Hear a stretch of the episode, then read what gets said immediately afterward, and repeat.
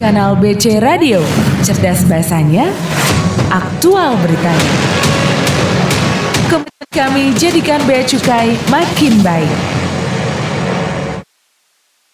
BC Radio Custom News and Entertainment Station Selamat pagi sahabat BC Kembali lagi di program Insight Kali ini ditemani bareng kita berdua nih penyiarnya Ada saya Cece Ada saya Yusril. Nah, sahabat Tapi kita nggak berdua aja nih. Iya ada narasumber Ah. juga yang nemani kita nih sahabat Bener BC banget. Di program Insight kali ini kita sudah mendatangkan narasumber kita ada dua nih ya Yang pertama itu ada Mas Budi Prastio Iya. Pelaksana pemerintah pemeriksa di kantor pos Bea Cukai Iya. Kemudian ada siapa lagi Sril? Ada juga Pak Yogi Jatnika Ramadhani. Eh Jabatannya Postal Custom Process Manager ya Pak ya? Iya. Dari kantor pos. Dari kantor Nah, pos. Dari kantor pos. Nah sebelum kita ngobrol-ngobrol nih sama narasumber kita ya. Kemarin tuh kan Sril eh, denger nggak lagi warnya tiket Taylor Swift Yang konsernya. awal sebelumnya kan ada Coldplay. Bener ya. Nah, kamu itu kan ada di Indonesia tuh. kamu Jadi- ikut war juga? Ikut war sih. Ada uangnya? Ah, nggak ada. Nggak ada ya. Jadi warnya aja buat. Warnya aja yang buat ini bahan aja FOMO posting aja, aja. FOMO ya, Ah, biar nggak postingan aja. ketinggalan. Tapi waktu pembayaran, waktu check out nggak di check out. Iya ya. Jadi mungkin salah satu sahabat BC ini juga ikut war tiket kemarin ya Sril. Hmm. Katanya sampai niat banget pengen bikin sampai bikin kartu kredit loh Sril. Ah. Itu kan peng- eh, konsernya bukan di Indonesia padahal Ah, loh. di Itu luar di ya, luar di negeri. luar negeri. Konsernya di luar negeri. Betul, mungkin ada sahabat BC yang kecewa nih, nggak Hmm. bisa berangkat ke luar negeri, nggak bisa nonton konser juga. Hingga Hmm. Tapi- akhirnya mengobatin hati Heeh, dengan beli ini ya, beli-beli merchandise-nya merchandise-nya ya. kayak gitu. Nah, itu kan pro- uh, prosesnya ada per- masuk ya. Kita pi- Heeh. pesen barang dari luar Luar negeri, negeri. kita beli untuk masuk ke Indonesia. Ah, dikirim itu. Pengiriman. Ah, pengiriman. Mungkin sahabat BC yang lainnya juga ah, lagi ada beli-beli barang dari luar negeri. Ya, apa pun itulah ya. Mungkin nggak ada di Indonesia atau mungkin yang suka apa ya, motor-motor antik mungkin ya. Eh, oh, Eh, mahal ya? Order dealnya kan ya ada yang murah juga sih. Maksudnya Oh, aku order dealnya kan kamu susah eh, dicari ya. Oh iya iya. Nah. Kamu masuk komunitas itu? Oh, enggak. Enggak, enggak juga tadi ya. Enggak Jadi juga. Kalau banyak tahu tapi tidak include ya. Nggak Tidak- itu, oke, cuman oke. lihat-lihat aja di YouTube gitu. bagus banyak. bagus banget. Nah. ya sahabat BC, buat kamu program Insight kali ini kita bakal bahas nih barang kiriman impor ya, barang-barang dari luar negeri. Nah, kita udah langsung nih siaran live ya. Live Nemenin sahabat BC di kantor Bea Cukai Pasar, Pasar Baru. Nah, kita datang nih ke rumahnya ya yang mau ngomongin tentang impor barang Impor kiriman barang kiriman, tadi. benar-benar. Ditemenin sama Mas Budi sama Pak Yogi Pak nih. Yogi. Kita sapa nih ya narasumber kita pagi ini. Selamat pagi Mas Budi, Pak Yogi. Selamat pagi Mbak. Kita dikasih senyum pagi-pagi semangat nih jadinya ya. Gimana sehat nih Mas Budi, Pak Yogi? Alhamdulillah sehat Mbak. Eh, Aduh saya ngerasa paling cantik sendiri di sini ya. yang lain ganteng-ganteng ya. Iya. Kecuali saya mungkin ya. Tumben kamu benar ya. Iya bener. Oke.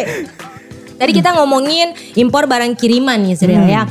Kita pengen tanya ke Mas Budi dulu nih ya Pak Yogi ya.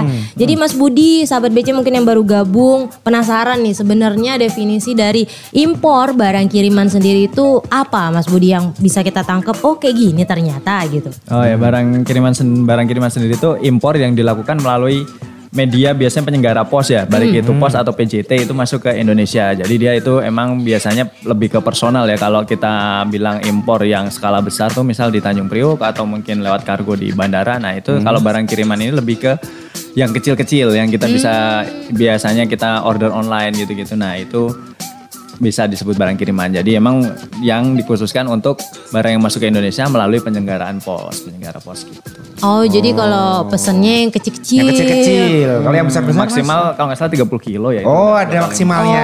Oke, berarti kalau jualan jangan lewat tadi ya, Ya. jasa kirim kecil-kecil tadi. Ya, kalau yang jumlahnya sih. kayak ya, pakai kontainer atau apa itu dari pelabuhan aja kali ya. Ya, berarti Sobat kalau BJ yang merchandise mobil, tadi lah, masuk ya? mobil itu dari dari sana dari Oh, pelabuhan. oke. Kalau Oh, dari kan barang kiriman mobil gitu kan. Ya. Ya, gitu.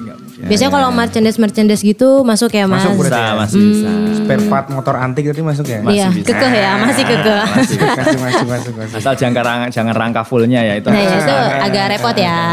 agak repot itu agak repot. Nah, tadi kan ada tentang eh, barang impor, apa impor barang kiriman ya. Impor barang kiriman itu tadi eh, ini juga ada istilah baru nih, bukan baru juga sih.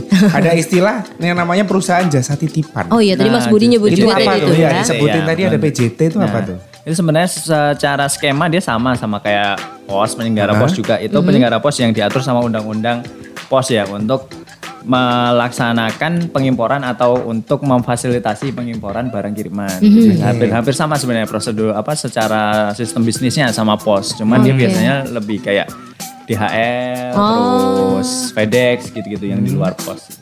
Hmm, oke.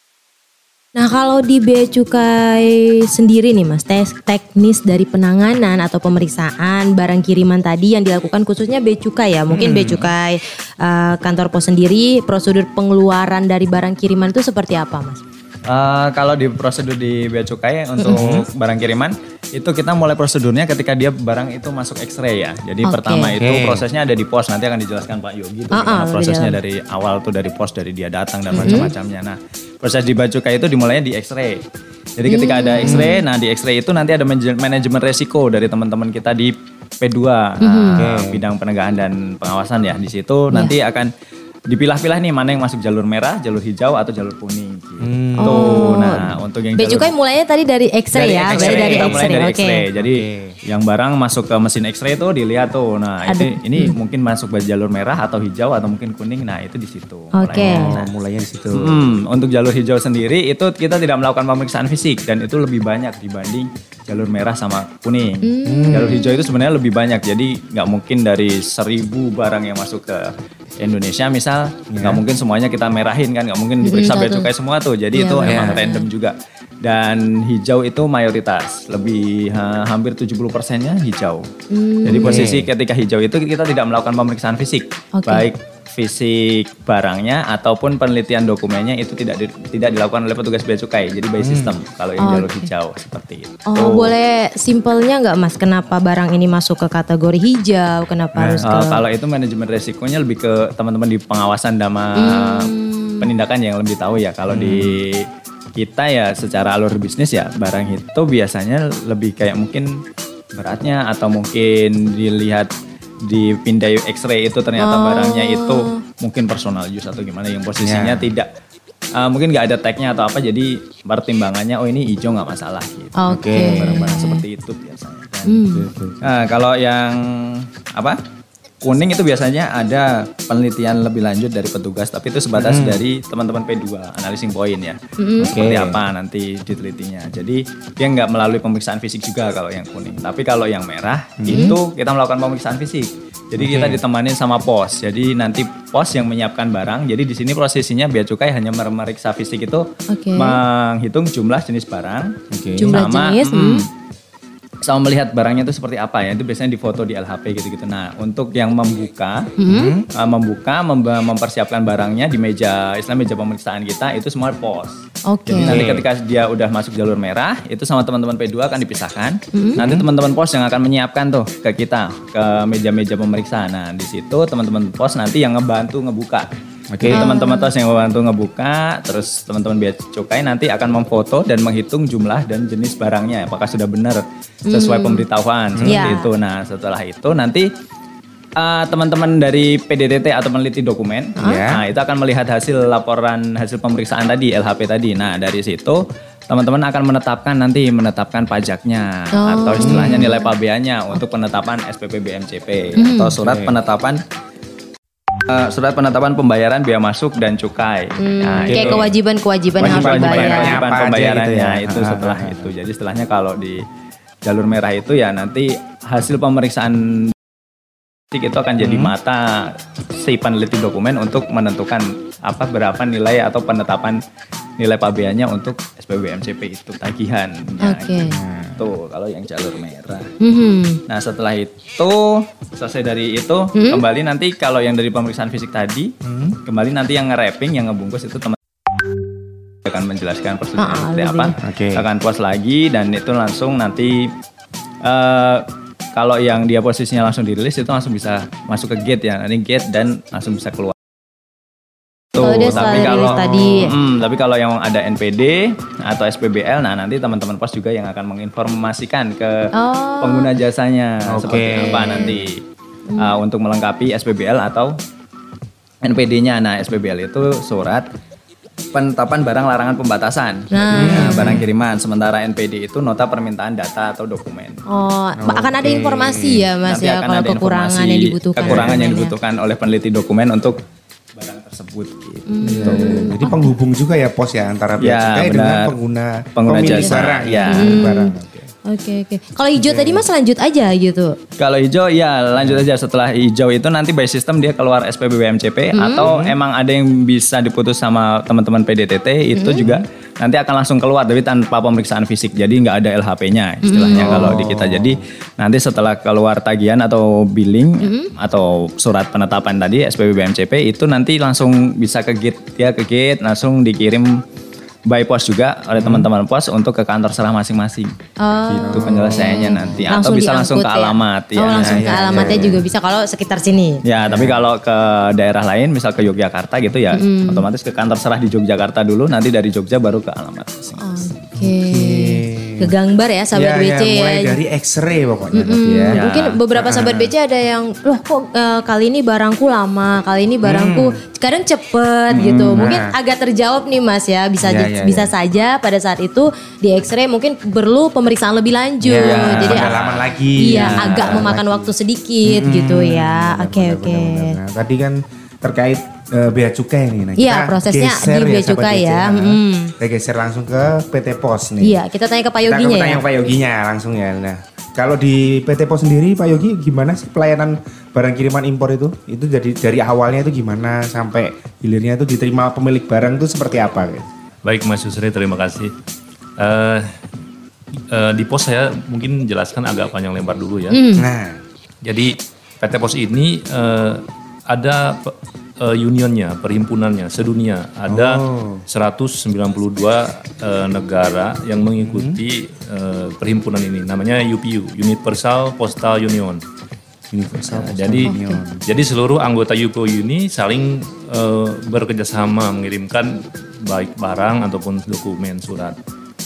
Nah, Indonesia ini salah satu dari eh, anggota UPU itu jadi menerima 192 negara kiriman dari itu masuk ke Indonesia ditangani di Pos Indonesia. Nah, di Indonesia sendiri di Pos Indonesia eh, unit yang menangani impor ini namanya International Processing Center.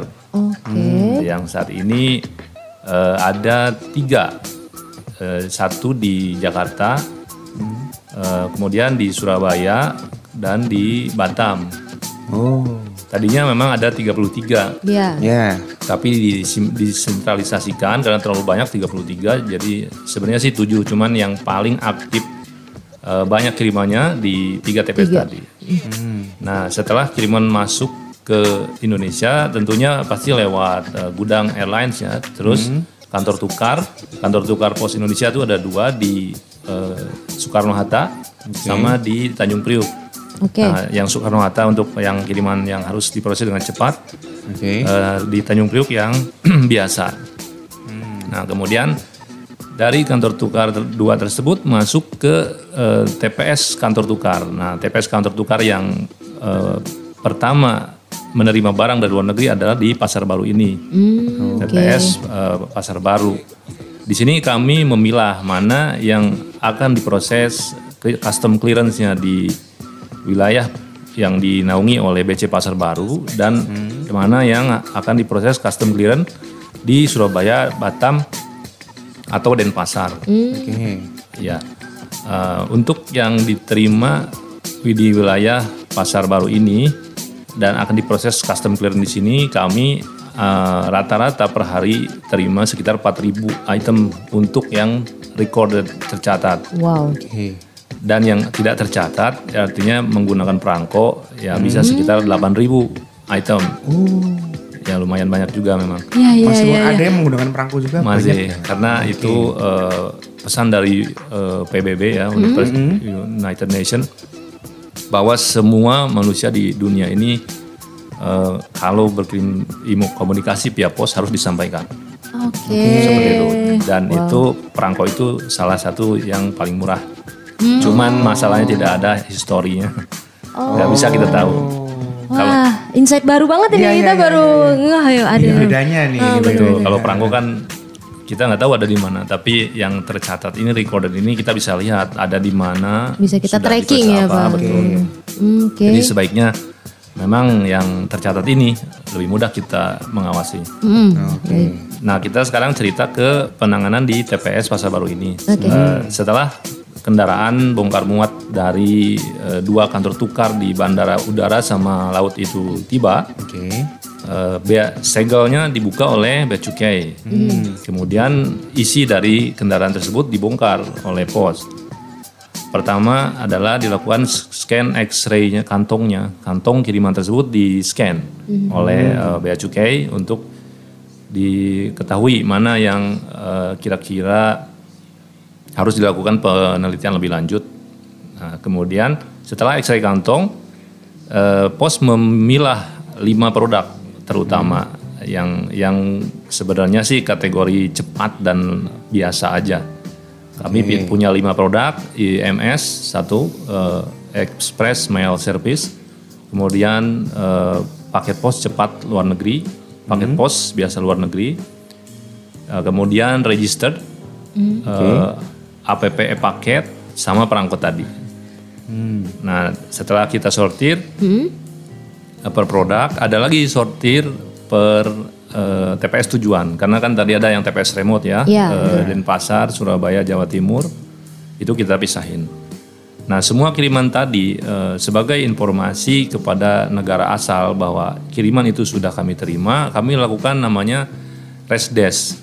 Resdes. Resdes. Ya itu ke- kependekan dari Receipt to Dispatch Pre-Advice. Oke. Jadi kita ada aplikasi khusus yang dipakai oleh anggota-anggota UPU tadi, namanya IPS. Kita lakukan scan kantong barcode di kiriman tersebut, kemudian kita buka ka- kantongnya, di situ isinya pun misal ada 100, kami scan satu-satu. Wow. Nah begitu kami scan satu-satu, eh, muncullah status di eh, history bahwa kiriman itu sudah di sini, sudah di Indonesia. Iya. Nah setelah kita lakukan semua itu, eh, tinggal nih proses customnya nih kami lakukan get in, bahwa menyampaikan ke BC bahwa kiriman ini sudah ada di TPS Pasar Baru, get in tadi. Kemudian kami lakukan input data CN, eh, se- kita salin semua eh, data yang tertera di kiriman. Nah keterangan data yang tertera di kiriman namanya CN22 atau 23. Nah, kita salin ke aplikasi kami, namanya aplikasi kiriman impor. Eh, aplikasi kiriman impor ini eh, interface dengan aplikasi bea cukai, CISA namanya. Jadi begitu kami input di AKI, akan otomatis tersend ke custom CISA. Oh, nyambung Sudah langsung nyambung. ya. Oke. Nanti eh, CISA akan memproses. Nah setelah data yang diterima oleh custom, kiriman tersebut kami lakukan X-ray itemnya. Nah tadi di awal kan X-ray kantongnya, sekarang X-ray itemnya per produknya Baik. satu-satu. Nah di situ nanti ada penjaluran oleh bea cukai tadi seperti yang disampaikan Pak Budi, Eh, apakah merah, kuning atau hijau. Betul tadi eh, yang hijau lebih banyak dari 4000 item mungkin ya 70 persennya hijau. Karena kebanyakan memang eh, kecil-kecil sih kiriman di posnya. Eh, maksimal 30 kilo. Oke. Tapi boleh juga misal eh, empat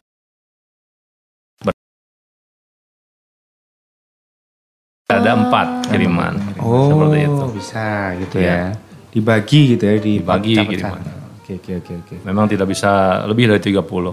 Hmm, berarti misal saya kirim semangka 70 kilo dipotong-potong Bagi. semangkanya ya. Nah, betul. Nah, itu simpelnya sahabat BC. Nyampe sini nggak kemakan ya, jauh dari luar negeri semangkanya benar-benar benar. Siapa tahu. Oh iya benar. Berarti tadi maksimal 30 kilo ya 30 Pak. kilo. Oke, oke baik. Oke, itu tadi prosesnya sampai dengan, Dengan X-ray-nya bareng sama bea cukai tadi ya Pak. Betul. Oke. Setelah untuk yang jalur hijau, setelah dijalurkan, eh, kemudian kami lakukan verifikasi kiriman tersebut apakah rilis atau belum. Nanti kita ada lagi scan verifikasi get out. Kita cek nih sudah rilis atau belum. Nah, yang rilis kita eh, lakukan distribusi ke seluruh kantor serah di Indonesia dari Sabang sampai Merauke. Oke. Kebetulan di Pasar Baru ini 3 per 4 Indonesia tuh ditangani. Luar Tiga biasa per empat dari Tiga Indonesia. per 4 Oke. Indonesia ditangani oleh DC Pasar Baru juga. Ah, untuk yang jalur merah, kita lakukan pemeriksaan fisik. Ah, Kiriman ini kami eh, siapkan di meja periksa. Ada saat ini 16 meja periksa eh, s- yang disaksikan oleh Bea Cukai. Jadi kami siapkan di meja, eh, kami buka kirimannya, kami sajikan isinya di meja. Nanti Bea Cukai melakukan eh, pemeriksaan, identifikasi, kemudian eh, dipoto, disimpan dalam bentuk laporan hasil pemeriksaan. Oke. Setelah selesai, kami bungkus ulang lagi kiriman tersebut. Eh, dari hasil pemeja periksa ini, jalur merah ini ada eh, beberapa antara lain bisa rilis, bisa juga jadi NPD, bisa juga jadi SPBL tadi surat penetapan barang pembatasan atau larangan, bisa juga karena nilainya lebih dari 1.500 jadi PIB PIB. atau PIBK kalau nama perorangan. Iya. Oke. Nah, seperti sama yang tadi ya. Apabila yang kiriman jalur merah ini diurus, kemudian selesai dan rilis, eh, kami distribusi lagi ke kantor serahnya. Tiga per empat Indonesia tadi kita Oke. kirim. Kalau udah selesai berarti langsung didistribusikan langsung ya. distribusikan. Nah, di kantor serahnya metode pe- penyerahan kepada penerima saat ini adalah penerima em, mendapat notifikasi tadi setelah rilis tadi artinya terbit billing sama SPP BMCP penerima mendapat eh, notifikasi via SMS atau WhatsApp kalau dia NPD atau Lartas tadi Oke. SPBL. Nah, kalau sudah dibayar oleh penerimanya untuk yang rilis, baru kami antar ke rumahnya. Oh jadi harus bayar dulu ya Pak baru betul, diantar ya, bukan yang diantar dulu. Nanti saya bayar ya, gitu enggak ya? Gitu enggak gitu ya? Itu enggak ya? Saat ini seperti itu. Nah, untuk yang lartas tadi WhatsApp kami kirim beserta dokumen surat pemberita penetapan barang larangannya tadi. Oke. Nanti eh, sahabat BC bisa melihat di SMS atau WhatsApp yang tadi dokumen apa saja atau perizinan apa saja yang harus dia urus. Oke. Seperti itu. Berarti penting banget ya Pak untuk sahabat BC menerapkan me- me- apa ya membubuhi nomor handphone sebenarnya ya. Benar, Mung- benar. Mungkin sekali. eh, ada yang ngasal aja gitu ya, Mas Atau Pak mungkin gitu. Ada yang kata apa lupa terus Ah, ah, ngasal gitu, kan. Terus bingung, udah ini kok nggak nyampe-nyampe. Padahal ada informasi tambahan yang diberitahukan oleh pihak posnya Betul gitu sekali. ya. Oke baik. Memang eh, kendala yang saya sering lihat di kiriman pos ini, keterangan tadi di kiriman, Oke. Eh, entah entah gimana lah ya. Jadi yang kami terima di data kiriman sendiri itu kadang hanya nama saja, Nggak ada nomornya. Ah, alamatnya tidak ada. Alamat. Alamatnya hanya misal begini, eh, Pak Yusril Cianjur. Udah. Udah kan kita Mau ke mana nih ya? dari Cianjur. Luas ya. Luas lah. betul betul Ya, betul. Pak Yusril Cibubur. Cibubur Iya, mana Pak. nih ya? betul, itu betul. yang membuat tertahan lama. Nah, ya benar. Iya, iya. sampai ya alhamdulillahnya kalau publiknya misalnya menanyakan karena kami juga nggak tahu di mana Iya publiknya mau kan. menghubungi ke mana? ya. betul sahabat BC-nya ya eh, kalau misal ada melakukan importasi via barang kiriman data-data penge- penerima itu sangat harus lengkap. Oke. Eh, kemudian juga eh, tentang konten sama value deskripsi isi barang sama harga itu juga harus lengkap. Iya. Nah dari data-data tersebut bisa menentukan mana yang akan cepat, mana yang akan lambat. Nah, kalau dia jujur gitu ya Pak, sesuai diberitahukan apa isinya itu biasanya tidak ada masalah ya Pak. Betul. Yang memperlambat sendiri sebenarnya ya jangan sampailah kita sendiri yang Ya. memperlambat paket siap. tadi itu ya Betul. benar. Bekerja sama dan sama-sama bekerja ya, Ya. nulis dalamnya luarnya sama. Betul. Oke. Betul, Baik. Kemudian Pak, Nah itu tadi eh, setelah notifikasi dibayar, nah pembayarannya pun tidak harus datang ke kantor pos, bisa dengan virtual account. oke. Virtual account bisa via postpay, ada aplikasi postpay, atau via banking. Eh, ke bank juga bisa, nanti ada pilihan virtual account dibayar nanti flag lunas ada di aplikasi kami bahwa kiriman tersebut lunas-lunas kita akan segera antar. Oke. Kalau mau bayar di kantor pos boleh? Pak? Boleh juga. Boleh. Juga boleh kan? Ah, mungkin ada yang posisi rumahnya jauh dari kantor pos sekarang sudah memudahkan sekali bisa bayar dari berbagai pilihan tadi ya Pak Betul, proses betul, pembayarannya.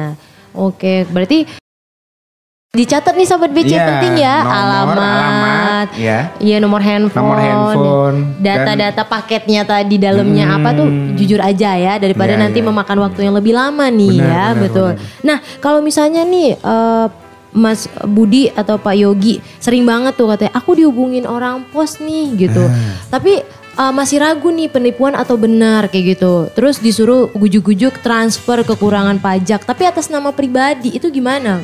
Pak Yogi atau Mas Budi mau menjelaskan ini sering nggak terjadi di sehari-hari gitu. Eh, kalau sehari-hari di kita ya itu ada beberapa emang yang seperti itu. Maksudnya dia eh, kena penipuan seperti itu ya karena marak sekali sekarang kan gampang banget ya orang Iya. nipu eh, orang dengan apa ngirim chat yang istilahnya eh, dia ngirim chat penipuan itu Iya. 10 mungkin ada salah satu yang kena atau gimana itu kan pasti ada tuh kayak gitu transfer. Eh, kalau di kita paling nanti ke kontak center kita ya di Bea Cukai Pasar Baru. Bisa lewat email bisa lewat Bravo. Di 1500 ya 15225 nanti extensionnya ke Pasar Baru. Bisa lewat email di BC Pasar Baru eh, at custom.go.id bisa lewat situ juga atau ada uh, website juga ada uh, live chat ada Oke. Nah, itu bisa ke kita dulu atau mungkin paling gampangnya kalau emang nggak terlalu jauh dari kita itu ke kita dulu aja Boleh pastikan ya? dulu ya pastikan dulu nomor paketnya bener gitu gitu, gitu ya. benar Oke. ya jadi uh, saran kita sih yang penting pertama tuh jangan panik dulu jangan Ya, panik dulu karena kalau udah panik Ya. susah Hmm, karena biasanya itu sugestinya tuh kalau dia tidak menebus nanti akan kena pasal ini akan kena pasal itu. Bisa ditakut-takutin. Nah, dan ditakut-takutin itu yang penting jangan panik dulu dan kita sendiri merasa ngirim apa enggak nih gitu. Atau kita punya keluarga di luar negeri atau enggak nih yang ngirim barang ke kita. Nah itu dulu. kalau sudah baru kita konfirmasi ke bea cukai dulu ke bea cukai atau bisa tracking juga ke pos lewat IMS pos di ems.posindonesia.co.id atau bisa ke beacukai.go.id slash barang kiriman. Itu bisa dicek dulu di situ. Nanti baru konfirmasi. Yang penting jangan panik dulu. Oke. dan pasti pastikan pastikan dulu kalau emang benar-benar terima barangnya itu. Kalau nggak nerima hanya disuruh transfer. Apalagi transfernya ke Atas nama atas nama pribadi itu ya. itu uh, nggak ini sih nggak mungkin karena posisinya ketika nanti penerbitan SPB BMCP keluar Hmm. billing di bea cukai pun itu billingnya itu virtual account dan itu langsung ke rekening negara jadi sama sekali bukan. Nah, tidak ke rekening ada ke pribadi. rekening iya PT Sukacita Bea Cukai gitu ya Apalagi Cukai pe- Indonesia. iya PT Pos Indah Bahagia itu nggak ada ya Pak ada. Belum, belum. bener bener bener bener. Uh, mungkin, mungkin kalau dari BC sih seperti itu tapi kalau dari pos mungkin ada kasus atau ah, case-case lain kasus. mungkin Pak Yogi mau menambahkan iya Eh, kebetulan belum lama ini saya mengalami sendiri eh, rekan di pos eh, menanyakan. Jadi saudara dia katanya eh, diminta membayar sejumlah uang ke pribadi. Di katanya sih mengakunya bea cukai bandara katanya. Uh, Oke. Terus dia minta eh, tolong cek apakah ini benar gitu, gitu ya. Saya dikasih foto kirimannya, saya dikasih isi kirimannya. Memang saat itu kayak emas, kemudian Barang handphone berharga. yang senilai 200 juta lebih katanya. Oke. Nah, saya saya eh, telusuri dari hasil penelusuran ternyata eh, si alamat penerima ini katanya baru kenalan sama orang baru di Facebook. Eh, selang beberapa bulan si kenalan baru ini di luar negeri ini katanya berbaik hati mengirimkan hadiah tadi. Oke. Emas, handphone, lain-lain sekitar 200 juta. Dikirimlah eh, foto kirimannya, ada barcode-nya juga. Nah katanya sudah di Indonesia untuk bisa itu rilis disuruh bayar 5 juta katanya. Dia nanya apa benar nggak ini? Iya. gitu kan. Saya cek di IMS, di apa, di saluran-saluran eh, tracking tidak ada nomor itu. Tidak ada nomor resinya. Ya udah bisa dipastikan lah itu Iya. penipuan. Penipuan. Dia bilang ngasih 200 juta tapi sebenarnya nyari uang 5 juta. 5 tuh. juta ya. Aduh bener-bener. Sekedar foto-foto emas dan Ya, hanya Itu fotonya aja. aja, tapi nggak tahu foto itu bener apa pas- Betul. palsu ya. ya, sy- syukurnya tidak disetransfer memang Hmm. akhirnya. Ya sudah, itu penipuan. Iya. Kejadiannya waktu itu di Bogor.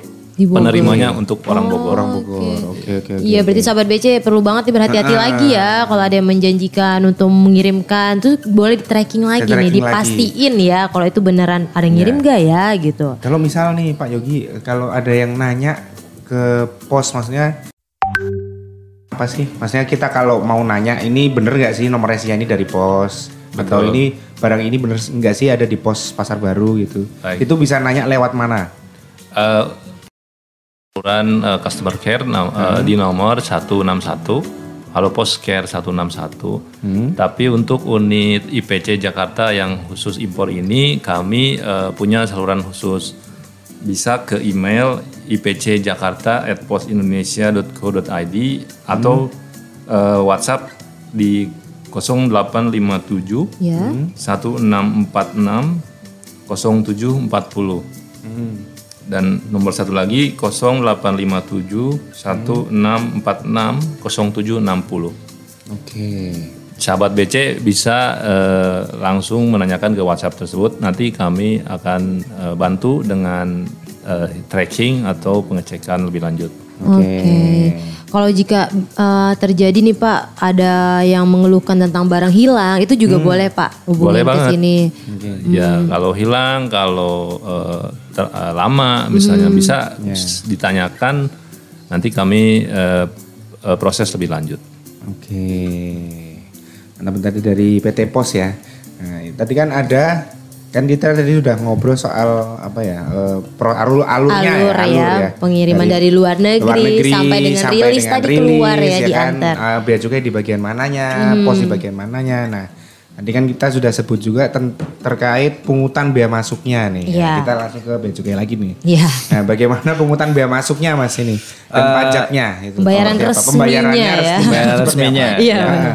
Tapi eh, nanti kita breakdown dulu yang dari BC-nya, maksudnya pembayaran resminya. Nanti di pos ada juga biaya handling gitu-gitu. Oh, nanti boleh. akan juga. dijelaskan juga Oke, sama ke boleh. Pak apa ke Pak Yog dari Pak Yoginya. Soalnya nanti takutnya eh, sobat BC kan takutnya nanti loh ini tagihan BC-nya segini, tapi kok pas bayar virtual account-nya segini. Nah itu nanti akan kita bareng-bareng kita inilah kita bedah Iya, Nah, seperti kita apa. bedah Nah, nih biaya nih sensitif nih ya, Ya, apalagi ya. ibu-ibu nih langsung ya. bayar-bayar gini paling penting nih. Iya, benar-benar. Oke, kalau yang dari BC-nya sesuai uh, PMK barang kiriman 199 di tahun 2018 it 2019 ya, 2019 kan itu uh, untuk barang kiriman pengenaan batasannya itu di 3 dolar. Di 3 dolar ya seperti yang sebelumnya kita kan pernah juga ya. Iya. Ini 3 dolar. Jadi kalau yang 3 dolar di bawah atau sama dengan 3 dolar, nilai mm, pabean dari barang tersebut itu hanya dikenakan PPN-nya 11%. Hanya Nah, bayar hanya PPN PPN-nya 11%. Nah, terus untuk barang-barang uh, overall semua barang yang masuk ke Indonesia itu uh, ada tarif flatnya. Yang tarif flat untuk keseluruhan barang itu tujuh setengah di bea masuk dan PPN-nya 11%. Oke. Itu tapi ada tiga kategori barang yang dibedakan nih. Tiga kategori barang yang dibedakan. Kenapa dibedakan tiga kategori barang ini? Yaitu ada baju atau produk tekstil, terus yang kedua sepatu, yang terakhir tas. Kenapa ini dibe- dibedakan? Karena di Indonesia ketiga barang ini diproduksi massal. Ya. Di UMKM kita banyak yang memproduksi ini. Jadi untuk ketiga barang ini akhirnya keluar dari tarif flat itu ada tarifnya sendiri sesuai dengan BTKI. Buku tarif kepabeanan Indonesia. Nah, itu eh, rata-rata tarifnya beda-beda ya. Kalau pakaian kan it- eh, kalau dari yang pakaian dulu nih, pakaian itu rata-rata antara 25% sampai 30%, tapi kebanyakan 25% untuk biaya masuknya, PPN-nya 11. Terus di PPh-nya antara 15 sampai 20 persen. Oke. Cuman kalau ada NPWP, nah ini eh, seperti yang Pak Yogi bilang, selain tadi memasukkan di identitas lengkap tuh dari nomor HP, nama penerima, alamatnya, jangan jelas. Nah, untuk sobat BC yang ternyata ngirimnya itu pakaian atau tas atau sepatu, nah itu bisa menyertakan NPWP juga. Jadi tidak perlu repot-repot nanti kita minta eh, setelah ditetapkan langsung baru menyampaikan NPWP. Nah, itu lebih baik emang memberitahu dulu ke sellernya di sana untuk menyertakan NPWP. Oke. Gitu. Itu jadi nanti lebih cepat lah di kita untuk prosesnya. Jadi ketika udah diputus nanti NPWP-nya itu sudah mengurangi PPh-nya gitu. Terus yang produk tekstil tadi itu Eh, ada kena juga BMTP. BMTP. Bea masuk tindakan pengamanan. Nah, itu melekatnya pada pieces barangnya kalau untuk yang produk tekstil atau baju itu. Nah, itu melekatnya di uh, barangnya. Jadi tarifnya itu per pieces, ngitung ngitungnya per pieces. Jadi itu ada pieces. untuk yang baju gitu-gitu. Nah, itu masuk ke situ. Ada pajak tambahan di situ. Itu untuk yang baju. Terus untuk yang sepatu itu juga beda sesuai BTKI tadi. Oke. Heeh, rata-rata eh, antara 25 sampai 30 persen untuk biaya masuknya, PPN-nya 11 persen dan PPH-nya sama tadi antara 15 persen sampai 20 persen. Nah itu tergantung nanti kategori sepatunya apakah sepatu kulit ataukah sepatu sneaker atau sepatu-sepatu main atau yang atasnya misal tekstil gitu-gitu. Nah itu nanti tergantung itu eh, penetapan pajaknya dan ya itu lagi NPWP-nya akan mengurangi si PPH-nya. Jadi yang tadinya 15% itu hanya kena tujuh setengah persen. Oke. Ketika Oke. dia menyertakan NPWP, jadi setengahnya di PPH-nya itu akan berkurang. Dan ini tidak ada BMT BMTP-nya untuk sepatu. Sepatu nggak ada ya. Ya nggak ada. Kalau untuk tas itu antara 15 sampai 20 persen untuk biaya masuk, PPN-nya 11 persen, terus yang PPH-nya sama, ya, tadi 15 sampai 20 persen. Dan lagi-lagi ya itu tadi penyertaan NPWP untuk mengurangin di posisi PPH-nya. Itu itu. Nah dan ada eh, kategori barang yang dia tidak dikenakan pungutan biaya masuk. Nah, Nah itu buku ilmu ilmu pengetahuan. Nah itu karena literasi di Indonesia ini kan perlu dibangun Iya. dan Ya. kita harus mendukung untuk teman-teman di Indonesia atau sobat BC di Indonesia untuk lebih sering membaca dan mengimpor buku masuk ke Indonesia. Jadi untuk kita tidak dikenakan biaya masuk dikenakan ya. gitu Dikenakan, untuk ya. buku. PPN-nya tapi tetap ya mas. Dengan pengetahuan. Ya. Ternyata. Oke, ini baru banget kejadian kemarin mas, teman ngirim dari luar beli celana, loh dia ngitung perhitungannya sendiri, Iya. tanpa yang tadi itu, itu saya jelaskan, ya itu kenapa baju, oh kalau kayak gitu udah deh beli di Indonesia aja, iya Iya kenapa? benar-benar gitu ya. kayak gitu ya. Iya, Ya, gitu, di akhirnya. Indonesia ya. Tapi harus merasakan dulu nih hitung-hitungan pajak dari luar gitu kan, baru oh iya Indonesia aja gitu, Ya, ya, benar-benar. pilih barang Indonesia. Benar. Iya, oke, oke, nanti setelah itu keluar tagihan di kita uh, bentuknya yang tadi SPB BMCP dan itu nanti ada keluar billingnya atau tagihan istilahnya nomor billing ya kode billingnya itu yang nanti untuk pembayaran apa biaya masuk dan PDRI-nya. Nah itu belum include dari teman-teman yang pos ini nanti akan dijelaskan Pak Yogi untuk uh, apa istilahnya bukan pungutan ya istilahnya Uh, kayak biaya. uh, biaya yang dibutuhkan untuk, Untuk pos selain yang tadi perhitungan di nilai pabean dari bea cukainya. Oke. Mungkin Pak Yogi mau nambahin. Mas Budi. Terima kasih. Eh, terkait eh, tagihan di posnya seperti yang disampaikan barusan oleh Mas Budi. Eh, di pos untuk admin pos ini eh, dan ada juga biaya handling serta sewa gudang. Admin pos yang kami eh, tagih adalah dipisah berdasarkan nilai barangnya. Untuk yang admin pos di atas nilai barang di bawah 3 dolar itu hanya 5000 Yang lima ribu. Untuk eh, nilai barang di atas 3 dolar sampai dengan 75 dolar 15.000. Untuk eh, 75 dolar sampai dengan 1.500 US dollar itu sebesar 30.000. Oke. Nah, ada juga yang nilainya di atas 1.500. Nah, ini kan harus diproses dengan PIB Ya. atau yang di bawah 1.500 tetapi mm, apa mau diurus dengan PIB. Nah, itu admin posnya sebesar 150.000. Oke. Ah, kemudian ah, ada setelah admin pos ada biaya handling. Nah, biaya handling ini ah, untuk ah, nilai dar, diambilnya dari 2% dari eh, bea masuk dan pajak. Oke, 2% dari biaya masuk dan Ya, pajaknya. cuman ada mini- ada nilai minimalnya. Eh, minimal untuk produk yang eh, bungkusan, kami sebutnya begitu, prefix dari kiriman barcode-nya diawali oleh huruf U. Nah, itu minimal 5.000. Untuk produk eh, registered minimal 10.000. Untuk produk IMS sama paket minimal 30.000. Oke. Oke. Nah, sewa gudang kemudian eh, sewa gudang ini dia setelah rilis tiga harinya adalah gratis. Oh, tiga hari ya pak? Ya, setelah hari ketiga yaitu hari keempat 2000 per kilo. 2000 per 2000 per kilo. Ya, biaya simpannya. Ini biaya-biaya tadi eh, rupiah kan ya Pak ya? Oh, iya. Kalau dolar, 2000 dolar. biaya adminnya rupiah ya sahabat BC ya. Ya, Oke, oke, oke, oke. itu aja sih di Itu pos, saja eh, ya. Oke. pos. Ternyata eh, tadi bayangan saya tuh biayanya eh, administrasinya gede-gede gitu. ya. Ternyata tidak terlalu mahal ya kalau kilonya dikit. Kilanya dikit dan harinya panjang. ya.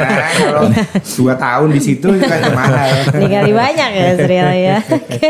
Baik-baik. Itu tadi mengenai administrasi atau biaya yang harus sahabat BC uh, bayar, Bayar. ya yang resminya. Oke. Oke. Tadi Mas Budi udah sempat nyinggung tuh ada barang-barang yang bisa dikategorikan lartas ya Mas, Lartas larangan dan dan, pembatasan pembatasan. Itu boleh dikasih tahu untuk sahabat BC nggak Mas biar uh, ke depannya ngeh nih. Oh ini barang saya masuk lartas. Lartas itu sendiri apa sih? Oke, untuk eh, sebelum nambung ke Lartas ini Nah. ada sedikit tadi yang kelupaan untuk Oke. barang yang ini barang di atas 1500 seperti Pak Yodi bilang tadi untuk barang yang nilainya lebih dari 1500 USD. Nah, itu eh, penetapan tarifnya tidak lagi flat yang tujuh setengah sama 11 tadi. Jadi bea masuknya tidak lagi tujuh setengah persen dan PPN-nya tidak lagi 11 persen, tapi dia udah mengikuti BTKI atau buku tarif kepabeanan Indonesia. Jadi misal dia ada PPh-nya ya berarti otomatis kena PPh dan misal bea masuknya lebih dari tujuh setengah persen, misal 20 persen atau mungkin malah jadi nol. Nah itu kita ngikutin itu juga. Ketika dia prosesnya menjadi PIBK, ketika dia barang kiriman pribadi kan di atas 1.500 itu masuknya ke PIBK dan kalau untuk yang dia PT atau dia badan hukum itu masuknya ke PIB gitu. oke, Terus tambahan sedikit. Nah kita nyambung ke lartas ya larangan dan pembatasan. Eh, di sini biasanya teman-teman dari peneliti dokumen itu menerbitkan surat penetapan barang larangan pembatasan.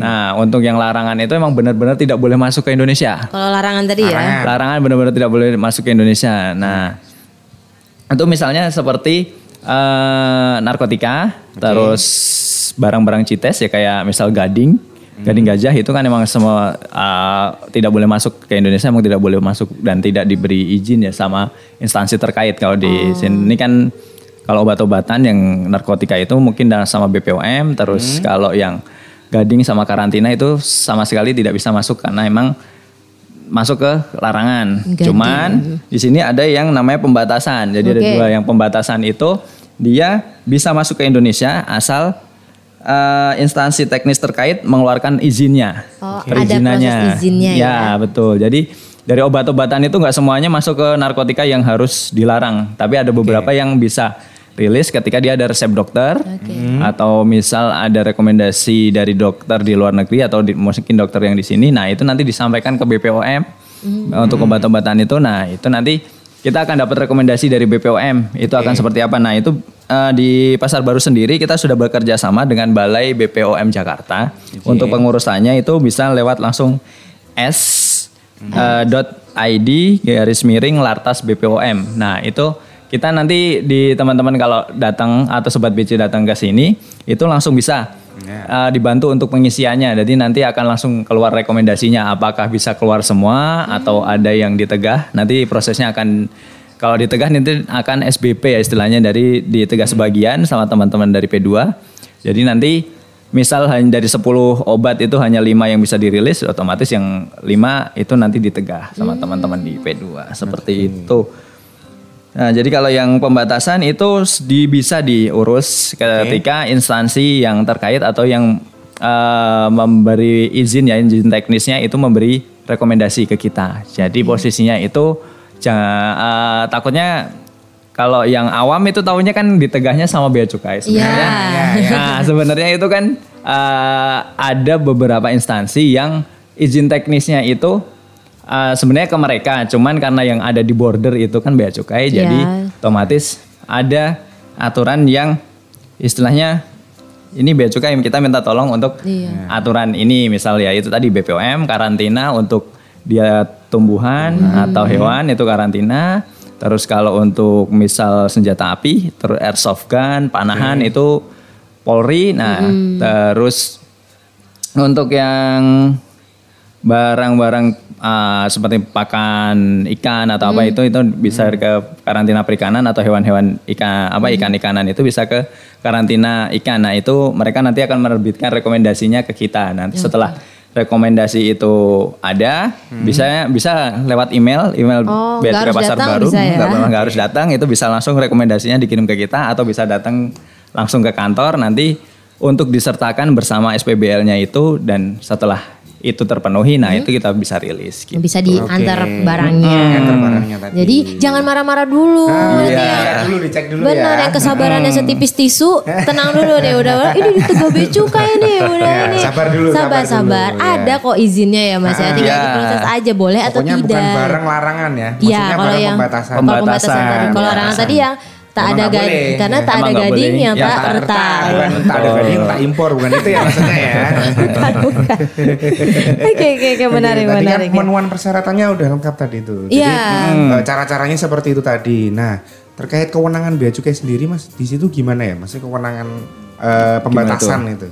Oh kalau di pembatasan itu kan di surat penetapan barangan larangan pembatasannya itu sudah ada ya instansi teknis yang terkait di situ sudah ada misal dia barangnya itu ya tadi seperti obat-obatan nanti di situ langsung ada aturan BPOM-nya terus di situ ada instansi yang terkait dan alamatnya juga. Jadi eh, sobat BC bisa langsung ke BPOM tapi untuk bisa ya itu tadi bisa dibantu juga ketika uh, sobat BC datang ke kantor untuk uh, pemenuhan itu kita bisa bantu untuk rekomendasinya.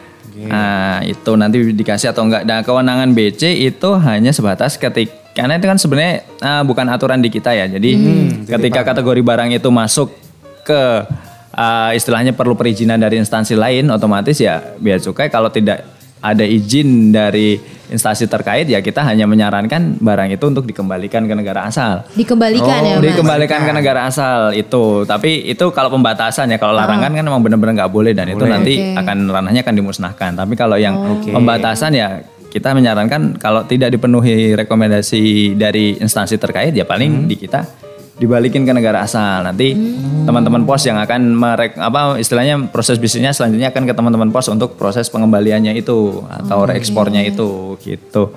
Atau misal dia tetap mau mengimpor, misal itu kayak yang tadi obat itu 10 hanya 5 yang ya udah limanya saya ambil deh, yang 5 ditegah ya. Itu nanti yang 5 akan kita musnahkan, yang 5 itu dia rilis, bisa dirilis dengan rekomendasi dari BPOM tadi hanya merilis 5. Di situ biasanya ada keterangan, misal obat apa, berapa piece, misal ada 10 piece, nanti BPOM ngasih rekomendasi dirilis 5, sisanya ditegah gitu. seperti Oh, itu. rekomendasi. Rekomendasi. iya benar. Bisa di- dikirim jelas. kembali ya Mas ya mungkin. Mm-mm, di ke negara asal ke si pengirim barangnya. Berarti bukan dikonsumsi oleh bea cukai ya. Ini bukan, barang bukan. saya ditegak nih dikonsumsi nih obat saya. Enggak, enggak enggak. gitu ya. Enggak. Enggak. Oh Enggak gitu. ya. Oke, baik. Ada nggak sih Mas eh, ar- eh, apa ya panduan dari sahabat BC yang pengen tahu oh ini barangnya masuk lartas tidak Oh gitu. iya.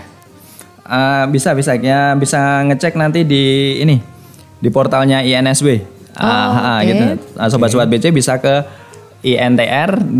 intr.insw.go.id. Nah, itu nanti bisa dicek lewat kalau ha- hafal nih HS code-nya atau uh, kategori barangnya lewat HS code bisa tulis HS code-nya atau kalau cuma tahu um, misalnya permen nih, awam permen ya udah tulis aja permen. Nanti di situ akan keluar ini instansi mana sih yang terkait dengan ini gitu. Oh gitu. Misal dia airsoft gun gitu, dia uh, biasa main airsoft gun, dia mau kirim airsoft gun, nanti tulis saya di situ airsoft gun. Nanti akan di situ ada uh, apa? Rekomendasi apa yang dibutuhkan dan instansi mana yang terkait. Kalau airsoft gun kan berarti kepolisian ya. Nanti di situ ada kepolisian. Jadi udah mempersiapkan diri nih kalau barang yang diimpor emang wah ini ada lartasnya nih. Iya. Berarti nanti kalau saya ngurus harus ke sini gitu. Jadi setidaknya sedia payung sebelum hujan. Betul. Jadi jangan jangan pas udah ditegah baru wah ke mana nih ke mana nih gitu.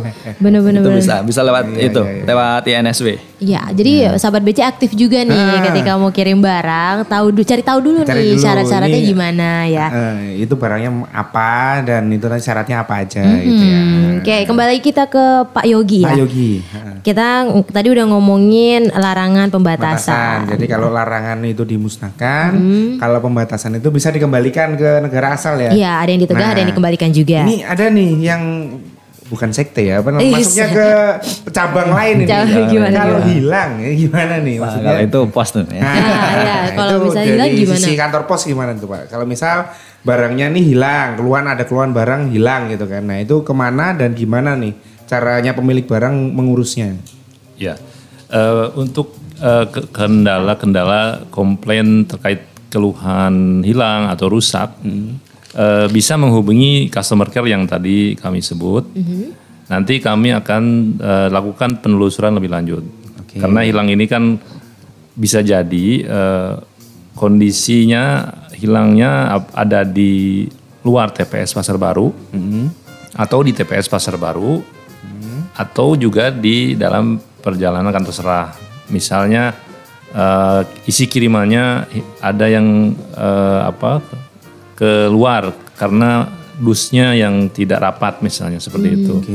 Nah kalau utuh hilang satu kiriman satu koli misalnya hilang, eh, itu bisa jadi eh, apa namanya bisa bisa jadi ada miss atau ada barcode-nya yang kadang-kadang yang saya lihat suka lepas. Jadi kirimannya jadi tanpa identitas. Oke. Seperti itu kirimannya jadi kita tidak tahu ini punya siapa seperti itu. Nah, jadi eh, sebaiknya sahabat BC kalau ada keluhan-keluhan terkait seperti itu bisa menghubungi customer care di pos yang tadi saya sampaikan. Iya, ke nomor WhatsApp tadi ya Pak ya, Betul. bisa WhatsApp bisa tanya nih barang saya ke mana gitu atau, posisinya ada di mana gitu ya. Betul, Mbak. Oke baik, itu tadi kalau customer care-nya dari pos ya. Kalau Mas Budi nih ada nggak Mas eh, layanan yang bisa melacak barang kiriman kita udah nyampe mana? Eh, kalau barang kiriman kita mana itu eh, tetap kita ke pos ya, maksudnya ke Oh, IMS, yang IMS pos tadi. Indonesia ah, dot co dot id atau bisa juga lewat beacukai.go.id slash barang kiriman. Oke. Itu bisa tahu. Bisa nge-track di situ juga ya? Cuman kan ada juga yang emang harus dari pos ya. Jadi misal barangnya tuh udah nyampe eh, pagi ini misal dia gercep nih, pagi langsung nyari ternyata di EMS itu udah nyampe nih pagi ini. Oke. Tapi kan itu masih harus proses tadi masuk eh, ke CN dulu, terus X-ray. Nah itu kan otomatis eh, mungkin di CSA belum ada gitu. Nah jadi nanti bisa konfirmasi ke pos apakah ini posisinya sudah disubmit ke bea cukai atau belum gitu. Yang seperti itu. Jadi eh, kadang barangnya udah nyampe di bawah tapi ternyata di CSA-nya belum ada gitu. Baik, baik, baik. Kalau untuk janji layanan nih Pak yang diberikan pihak pos ya eh, terkait dengan barang kiriman itu apa Pak? Eh, baik, eh, untuk kirim janji layanan kami s- setelah kiriman tiba di TPS eh, Pasar Baru, eh, sebagai plus 3 sudah rilis. H plus H plus 3 3 sudah rilis atau H plus 4 sudah rilis. Nah, tinggal selanjutnya adalah eh, seberapa cepat itu kiriman diterima oleh penerima, yaitu seberapa cepat pelanggan juga bayar. Oke, berarti tadi ya selesaikan kewajiban. Selesaikan dulu kewajibannya, baru kami antar seperti itu. Benar, benar, benar. Sebenarnya kalau misalnya tidak ada kendala yang eh, terlalu miss banyak, itu gampang ya Pak ya, H plus 3 sudah bisa diterima Sudah bisa ya? diterima. Oke oke baik baik. Ini jadi kegambar ya Sri Ah, kalau mau gambar. ngimpor ya. Selama ini kan agak ragu-ragu tuh kalau misalnya Iya. ada saudara yang di Swiss sana biasanya mau ngirim itu kan Dulu teman TK ada di oh teman mana? TK di ya Belgia. di Belgia mau kirim coklat. Heeh, ngirim apa sih? racun ya Kirim racun ya. Kirim racun Aku ngaku temen. udah enggak ya nih ya sahabat BC ya yang mana porsinya uh, pelayanan yang diberikan oleh kantor pos mana porsi yang diberikan oleh kantor bea cukai ya Nah. nah gimana Yusril udah siap untuk memberitahukan ke keluarga Nah, saya udah siap sih memberitahukan ke semua ke masyarakat nih. ya. Oke, terima kasih nih ya eh, sahabat BC yang udah dengerin kita. Terakhir nih kita mau dengar closing statement nih dari eh, Mas Budi sama Pak Yogi.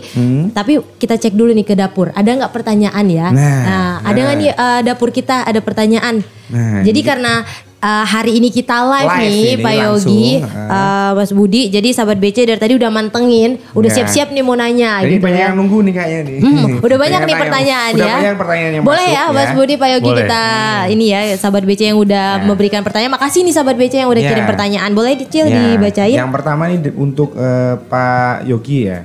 Ini kan dari Frexpen underscores. Nah, ini saat bongkar barang tolong dirapikan kembali seperti semula dan tolong barang yang masih disegel jangan dibuka. Seperti buku gitu. Apakah ini Oh, pertanyaannya? oke. Apakah yang segel-segel itu tetap dibuka juga? Kayak buku itu kan disegel. Iya. Apakah yang segel-segel kayak begitu tetap dibuka juga oleh PT Pos gitu? Seperti apa, Pak? Baik, eh, ini pertanyaannya adalah kayaknya proses pemeriksaan fisik Ya. atas Ya. jalur merah ya. Ya. Eh, terkait merapikan kembali setelah dibuka itu eh, memang SOP-nya harus seperti itu. Mungkin eh, setelah dibuka memang kadang ya eh, barang yang setelah dibuka seperti halnya elektronik kalau sudah dibuka ya berbeda Ya. seperti kondisi waktu dia intake sebelum masih utuh. Oke. Nah, eh, masalahnya dia jadi berubah, berubah, berubah ya saya duga sih waktu perjalanan karena kan kami ada bongkar muat lagi setelah periksa ini. Terus sampai di kantor seral dibongkar muat lagi. Jadi kondisinya jadi berbeda dengan intake tadi.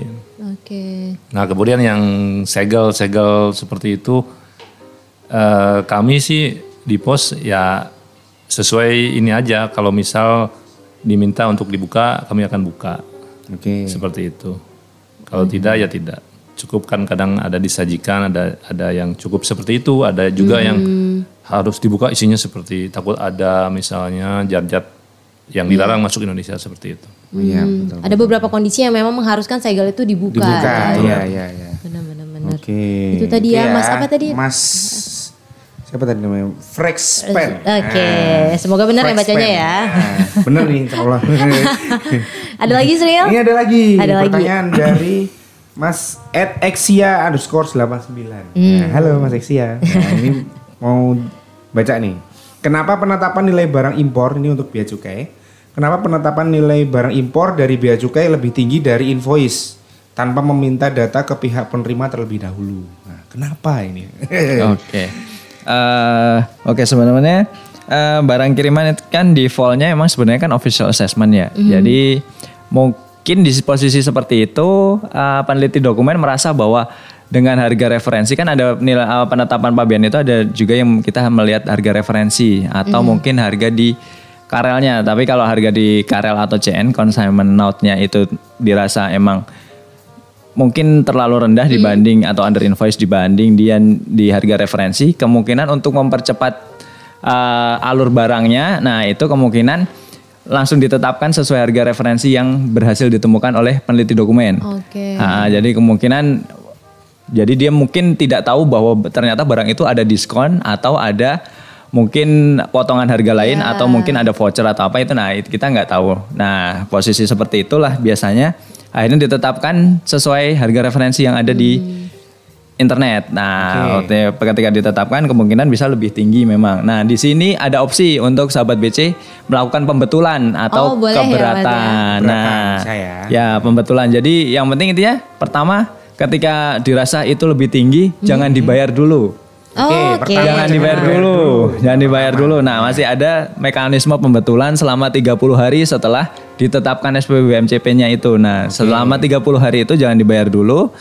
Sobat BC bisa menyampaikan bahwa eh, keluhannya itu eh, kronologisnya kenapa dirasa lebih mahal dan menyampaikan bukti-bukti konkretnya atau bukti validnya. Jadi bukti bayarnya, invoice-nya atau link pembeliannya di situ atau misal dia dapat diskon kan di situ nanti tertera tuh di invoice-nya diskonnya gitu. Itu nah nanti disampaikan ke kita.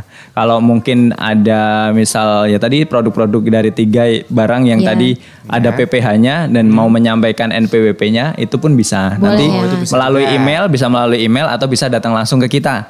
Nah nanti itu namanya pembetulan. Yang penting 30 hari itu jangan dibayar dulu. Tapi ketika sudah, terlanjur dibayar nah itu bisa alurnya nanti keberatan Oh. Ah, keberatan. Nah, keberatan itu bisa dibayar dulu nggak masalah, tapi nanti dia melakukan keberatan. Keberatan itu maksimal 60 hari setelah SPP BMCP-nya keluar. 60 hari. Hmm, oke. setelah tagihan keluar itu misal dibayar atau nggak dibayar itu misal tadi pembetulan udah nggak bisa nih ternyata Iya. dia di hari tiga ke 31 nih dia masih bisa melakukan keberatan nah keberatannya itu ada dua nih yang keberatan dia posisinya nanti memberikan jaminan ke kita jadi istilahnya uangnya ditaruh ke kita dulu uh, sebagai jaminan itu adalah eh, sejumlah biaya masuk dan PDRI yang harus sudah ditetapkan tadi yang harus ya. ditetapkan. Nah itu barangnya bisa dibawa.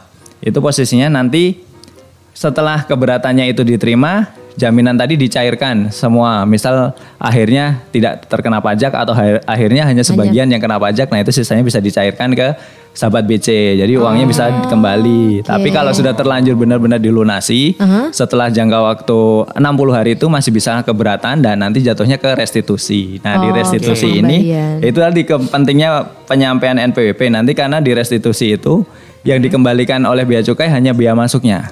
Oh, Oke. yang dikembalikan hanya biaya masuknya. Ya, untuk PPN dan PPh-nya nanti bisa diurus di kantor pajak.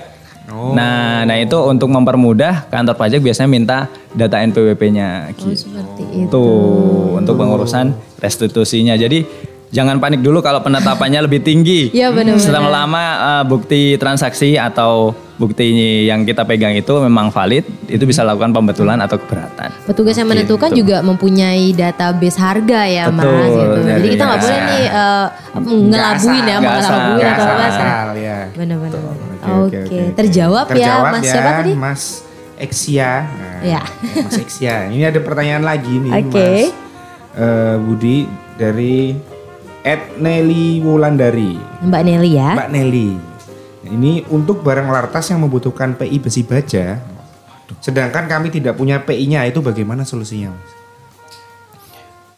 Besi baja lewat kantor pos. Nah, Ah. Besi baja lewat kantor pos ya. mungkin ini PI-nya maksudnya gimana nih?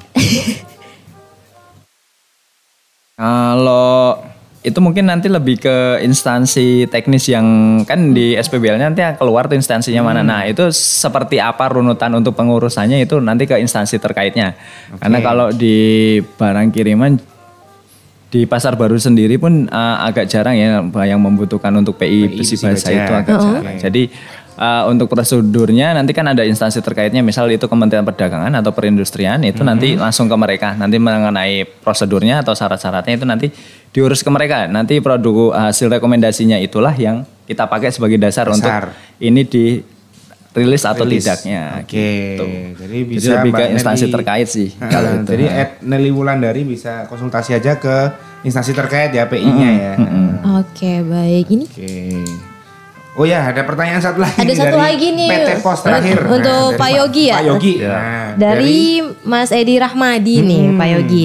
Katanya Pak, terus kalau untuk penggantian mungkin kehilangan kali ya. Kalau untuk penggantian itu seperti apa? Misal barangnya rusak karena dibongkar, apakah barang diganti baru atau ada seperti apa Pak? Baik, Eh, untuk kiriman yang eh, hilang, rusak atau seperti itu, ada aturan tersendiri, eh, ada nilai maksimal yang bisa kami ganti. Itu juga bisa dilihat nanti kiriman tersebut apakah me- mem- apa, menggunakan layanan asuransi di awal waktu posting ya, ap- atau tidak. Nanti ada aturannya terkait itu. Nah, lebih jelasnya nanti bisa menghubungi customer care yang tadi saya sebut. Nanti di sana akan mengisi formulir-formulir terkait permohonan ganti rugi tersebut. Oh, ada ya Pak. Mudah-mudahan ya eh, di asuransi dari awal ya. Asuransi Dari awal ya. ya disarankan ya memang. Benar, ya. benar, benar, benar. Apalagi lintas negara itu kan jauh Iya, juga ya. dan barang-barang yang riskan gak sih Sri? ya? Biasanya kita ngirim barang pecah belah gitu Ya, ya. kayak aku tadi mau kirim semangka itu kan riskan juga itu. Ah iya, itu. Yang ngirim juga mikir-mikir dulu sebelum Iya, mikir dikirim sih. ya. Oke. Baik, terima Oke, kasih oke. nih ya sahabat BC yang udah memberikan pertanyaan di program Insight kali ini. Heeh. Kita juga mau makasih juga nih buat Mas Budi, Budi, buat Pak Pak Yogi. Sama-sama. Udah mau ngobrol sama sahabat BC. Iya. Kali ini kita bahasnya barang kiriman. Mungkin nanti kita ketemu lagi nih Pak Yogi, Mas Budi ya. Kita bahas Siap. yang Bahas lainnya. yang lain, bahas yang lain.